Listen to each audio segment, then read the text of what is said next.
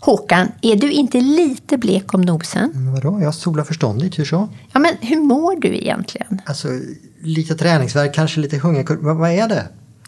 Ja, men idag ska vi prata om vårt behov av sjukvård, sjukhus och hur det har påverkat staden. Aj.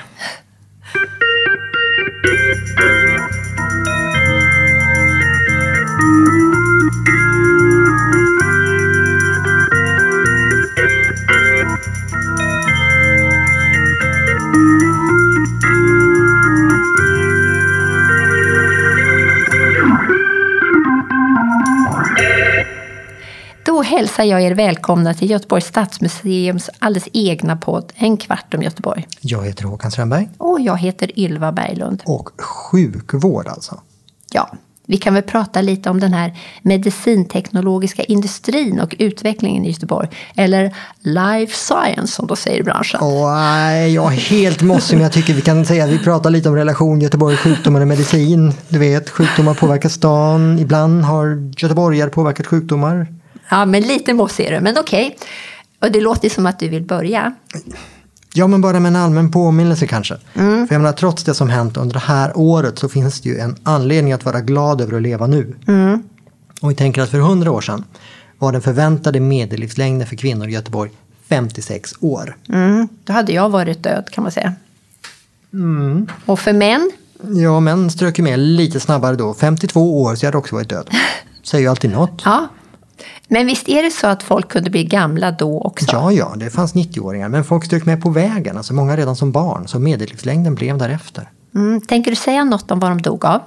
Ja, det finns massor. De kunde dö i kolera, malaria, difteri, fläckfeber eller vanlig hedlig mässling. Oh. Mm. När I otäta ruckel i den här arbetarstaden så låg ju undernärda barn och dog i typ vad som helst. Mm. Nu är du faktiskt ingen bra ambassadör för den här gamla goda tiden. Men det är svårt om vi pratar medicin. Men det har ju alltså blivit bättre.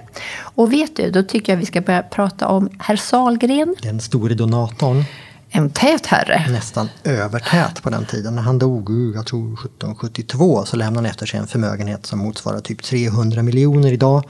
Och en del av det donerade han då för uppbyggandet av ett sjukhus. Salgrenska sjukhuset.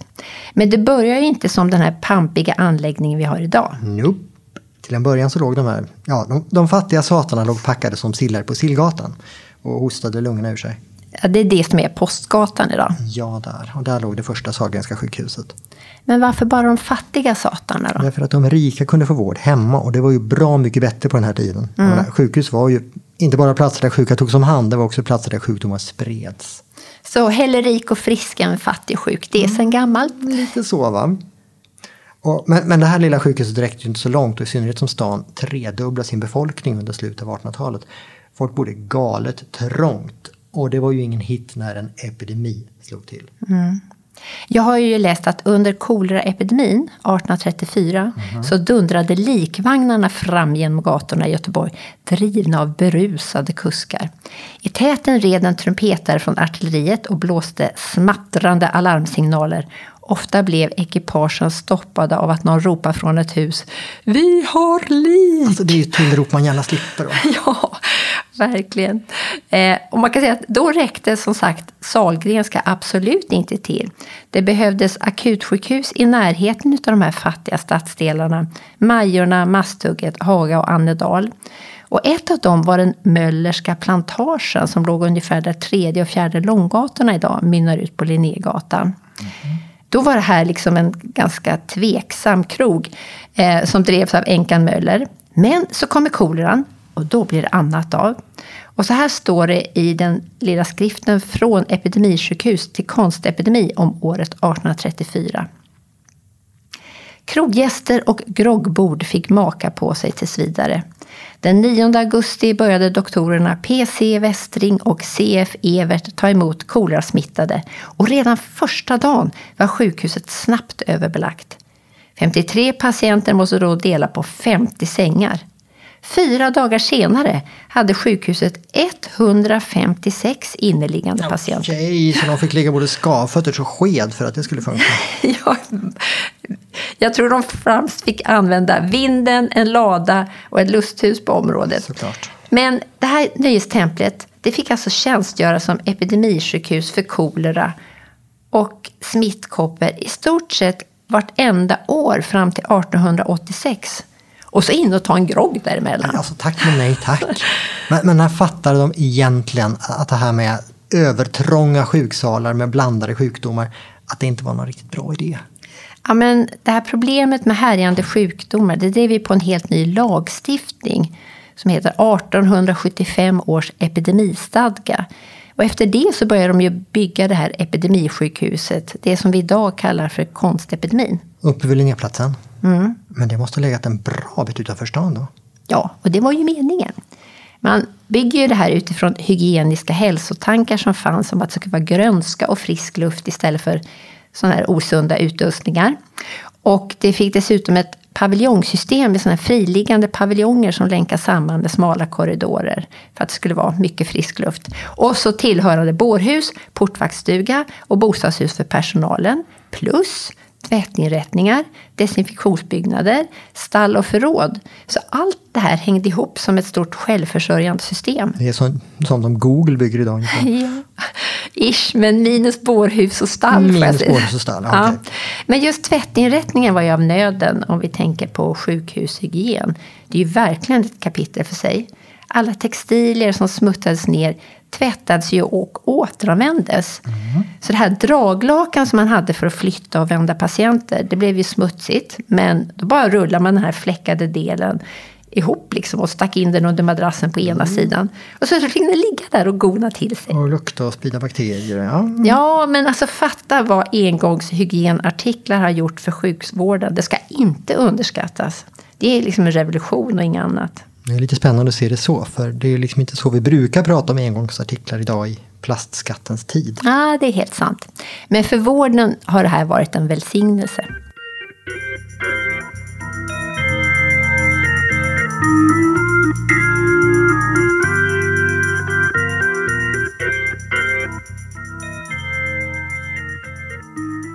Men för att återgå till epidemisjukhuset så räckte ju inte det heller långt. Så efter långa diskussioner så tog staden beslut om att bygga ett helt nytt sjukhus i Änggården. Nu är vi totalt ute på landet. Ja, men just därför. Här är luften ren och frisk och spaden sätts i marken 1896.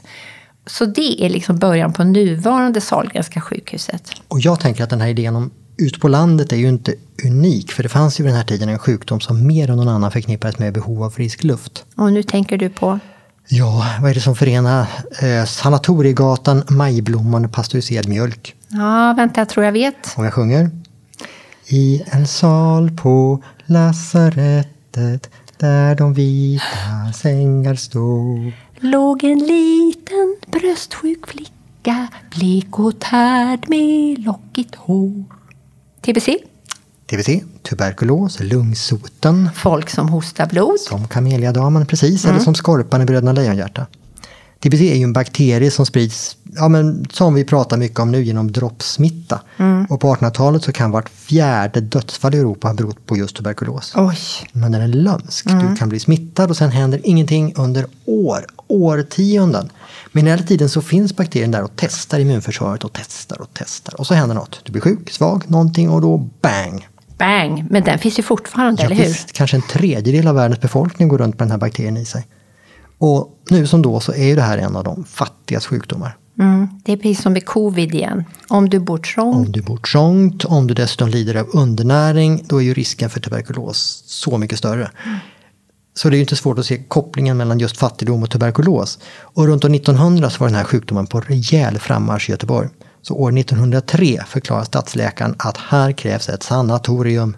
Och vad är det egentligen? Ja, men I princip ett sjukhus för TBC. Mm. Och det blev ett sanatorium. Det blev Renströmska sjukhuset i Kolltorp med nästan 200 sängar. Och det är ute på landet igen? Ja, visst. Och idag är det bostadsrätter, men vägen som går förbi heter ju fortfarande Sanatoriegatan. Mm. Och det kom fler. Några år senare, 1911, så köpte en köpman Amundön utanför Göteborg och byggde ett konvalescenthem för barn som han skänkte till Göteborgs barnsjukhus. Mm. Och då var ju den viktigaste målgruppen fortfarande tuberkulospatienter. Och det mm. blev då Ågrenska som var konvalescenthem för barn fram till 1970-talet. Mm. Eh, jag reagerar lite på det här ordet, för konvalescens är ju för mig något du gör efter sjukdom för att återhämta dig. Ja, men det finns en koppling. Mm. I början så fanns det inte så mycket att göra för de här lungsjuka. Och så det sanatorierna erbjöd var i princip vila, näringsrik mat och frisk luft. Det hoppas de skulle slå ut sjukdomen. Mm. Och det gjorde det väl i någon mån i och med att patienten blev starkare och friskare och kanske fick bättre fart på sitt immunförsvar. De skulle helt enkelt konvalescensa sig friska. Ja, Men det här majblomman då? Ja, det är samma tid. Den började säljas 1907 i Göteborg, lanserad av Breda Hallberg och syftet är ju att samla in pengar till just tuberkulossjuka. Till exempel för att de ska komma till ett sanatorium. Och så var det här med mjölken. Ja, de upptäckte ju att mjölk, att tuberkulos kunde alltså gå från kor till människor via smittad mjölk. Så då kommer lagen om pastörisering 1937. Och sen efter andra världskriget så kommer vaccination och så kommer antibiotika. Och i Sverige så slutar vi faktiskt vaccinera mot tuberkulos på 70-talet. Därför att risken att smittas var helt enkelt så liten att det var onödigt. Det här är ju faktiskt lite en solskenshistoria. Mm. Men har du tänkt på en sak? Ja, en och annan kanske.